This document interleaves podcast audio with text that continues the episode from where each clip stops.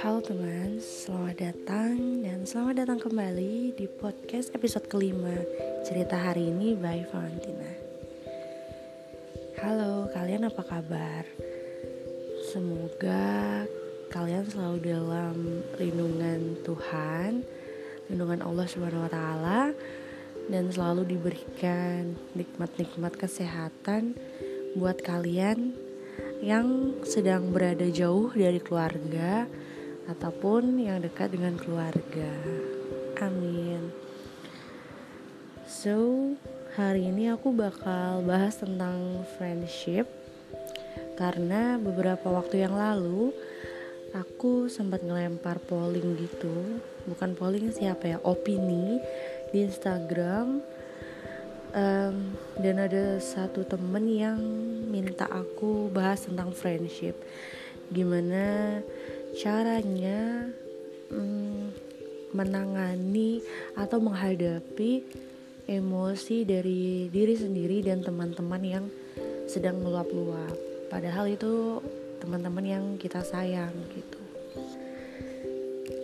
So, uh, menurut aku friendship atau pertemanan itu sendiri udah termasuk hal yang personal sih. Karena aku yakin bahwa setiap orang itu punya definisi masing-masing untuk mendefinisikan itu si friendship itu sendiri. Jadi mereka punya perspektif masing-masing gitu menurut aku. Hmm, perasaan sedih sakit hati senang gembira saling ejek marahan itu semua tuh udah jadi hal yang lumrah lumrah terjadi di suatu hubungan pertemanan. Karena semua orang kan pasti pertemanannya itu adalah tipe pertemanan yang dinamis. Karena dari TK, SD, SMP, SMA bahkan sampai kuliah sampai kerja pasti akan ketemu orang-orang baru dan menjalin suatu hubungan pertemanan tapi mungkin beda sih sama orang-orang yang uh, sekolahnya mereka homeschooling atau di pondok pesantren atau suatu yayasan gitu yang dari SD sampai SMA mereka dalam satu lingkup yang sama sehingga ya temennya bakalan itu itu aja gitu bakalan lebih monoton gitu. Um, menurut aku pertemanan itu ada dua tipe sih. Yang satu yang pertemanan positif di mana teman-teman dalam circle kamu tuh bakalan ngedukung gitu loh. Bakalan ikut seneng kalau kamu seneng. Hmm, misalnya nih uh, kamu ikut suatu organisasi. Kemudian ditunjuk jadi bagian atau bidang yang sibuk gitu. Sementara kamu juga punya punya hmm, kewajiban buat kuliah kan? Nah di situ teman-teman circle kamu nih seharusnya tuh dia atau mereka tuh bantuin kamu atau seenggaknya dukung kamu kasih semangat gitu. Nah bukan malah menjatuhkan mental. Nah yang kayak gitu menurut aku itu pertemanan yang toksik misalnya nih uh, udah tahu nih kamu anaknya sibuk organisasi juga harus kuliah gitu kan. Ada aja pasti yang bilang kan kewajiban pertama kamu merantau jauh-jauh tuh kuliah sama orang tua gitu kan. Kewajiban ke orang tua harus selesai kuliah. Kalau kamu organisasi nanti kuliah kamu berantakan udah nggak usah ikut. Nah kayak gitu yang hmm toksik toksik banget sih menurut aku. Karena uh, secara nggak sadar itu tuh merugikan banget. Jadi nanti kita punya punya dua pemikiran yang beda gitu maksudnya. Ketika kita pengen banget kan punya punya desire untuk maju untuk lebih mengenal masyarakat luas dengan misalnya ikut organisasi atau pengabdian masyarakat gitu. Tapi ada temen yang uh, bilang jangan. Ada yang advice buat jangan. Fokus aja di kuliah kayak gitu. Itu tuh di di dalam hati itu pasti ada perasaan hmm, jengkel ngedumel. Dan akan menimbulkan banyak drama dong pastinya. Gitu. Dan di early 20-an ini um, alhamdulillah sih aku udah bisa memilih dan mendefinisikan apa itu teman, apa itu sahabat, kenalan, dan apa itu relasi. Jadi aku uh, membagi bukan mem, bukan membagi juga sih, maksudnya uh, berhubungan dengan apa yang akan nanti kita obrolkan ketika kita nanti hangout bareng gitu, ngerti nggak teman-teman? Nah, tadi kan yang pertama itu teman. Nah, teman itu biasanya menurut aku sih itu uh, kita kenal, kita sering hangout bareng, tapi hal-hal yang kita obrolin tuh belum nyentuh ke personal banget gitu, cuman masih ya di permukaan-permukaan aja ngobrolnya. Masih seru santai biasa aja. Say hey gitu aja sih kok temen kalau sahabat nah ini yang baru bisa nyentuh ke personal misalnya. Dia udah kenal sama orang tua kita kita juga kenal sama keluarganya mereka uh, sering curhat-curhatan tentang uh, keseharian misalnya saling kasih kabar setiap waktu tanyain kabar pokoknya gitu lah yang mm, yang lebih personal gitu. Terus kalau kenalan menurut aku ya udah kita cuman kenal aja. Misalnya nih uh, kamu anak kuliahan kan terus punya temen di fakultas lain terus kamu ketemu aja gitu pernah kenalan. Ya udah kenalan tapi abis itu nggak ter nggak nggak apa ya nggak hangout bareng cuman kenal aja oh aku tahu nama dia dia tahu nama aku udah. Sih.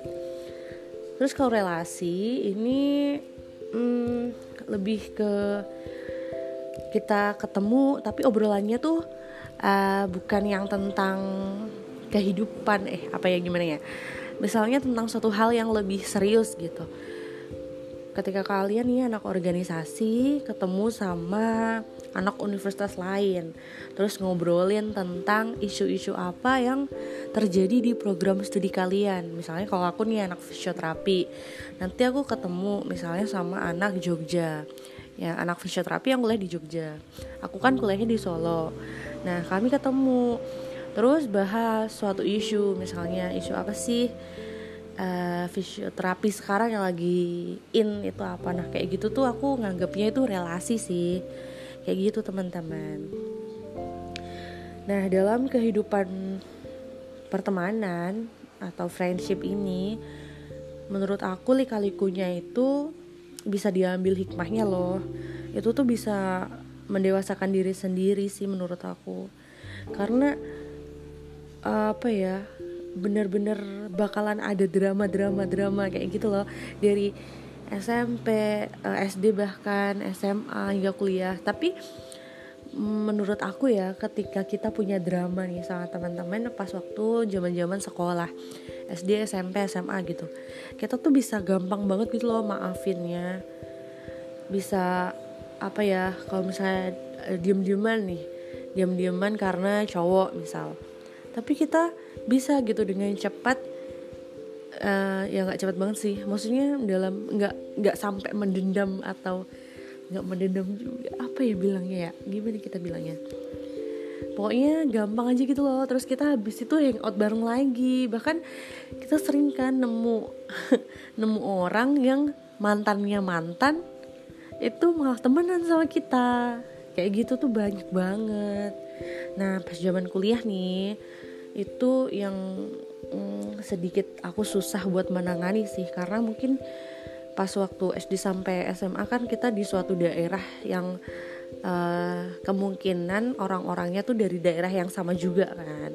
Sedangkan pas kuliah tuh kita ketemu sama orang se-Indonesia nih misalnya. Dari daerah A B C D E gitu dikumpulin dalam satu tempat itu uh, dan kodarullah semuanya semuanya misalnya nih punya uh, ego dan pemikiran masing-masing. Nah itu yang susah dikontrol sih itu yang susah buat kita memahami atau mereka yang memahami kita kayak gitu menurut aku. Um, btw soal pertemanan aku iya pasti juga ada drama. Dan awalnya dulu ya ketika aku punya banyak drama soal pertemanan aku pernah insecure sama diri sendiri. Kenapa? Karena uh, pas zaman kuliah itu kayak aku tuh susah banget gitu loh punya temen. Pernah punya temen misalnya tapi nanti ada aja berantemnya dramanya diem dieman gitu. Uh, maunya apa tuh uh, apa ya sungkan gitu. Itu sih. Terus aku pernah bertanya-tanya dalam hati apa aku ya nggak tahu cara gimana cari teman atau gimana caranya berteman gitu jaga hati teman aku aku nggak bisa. Gitu. Tapi pas aku uh, mikir kayak gitu aku keinget lagi sama teman-teman aku pas zaman SMA kelas 1 nah di situ sampai sekarang kita masih keep in touch bahkan. Hmm, ketika kita pulang tuh uh, pulang dari perantauan masing-masing kita tuh pasti nyarinya ya itu teman-teman itu. Jadi uh, aku masih ada yang nguatin gitu loh. Bukan ternyata bukan sepenuhnya aku salah buat berteman di pas kuliah itu. Ngerti gak sih teman-teman jadi aku juga punya temen atau bahkan sahabat yang dari lama banget temenannya. Dari pas zaman kelas 3 SD itu aku masuk sanggar tari satu sanggar tari. Nah sampai sekarang kita masih temenan sahabatan sering keluar bareng jalan bareng makan bareng gitu pas lagi pulang ke kampung gitu. Nah uh, aku adalah tipe orang yang ekstrovert teman-teman.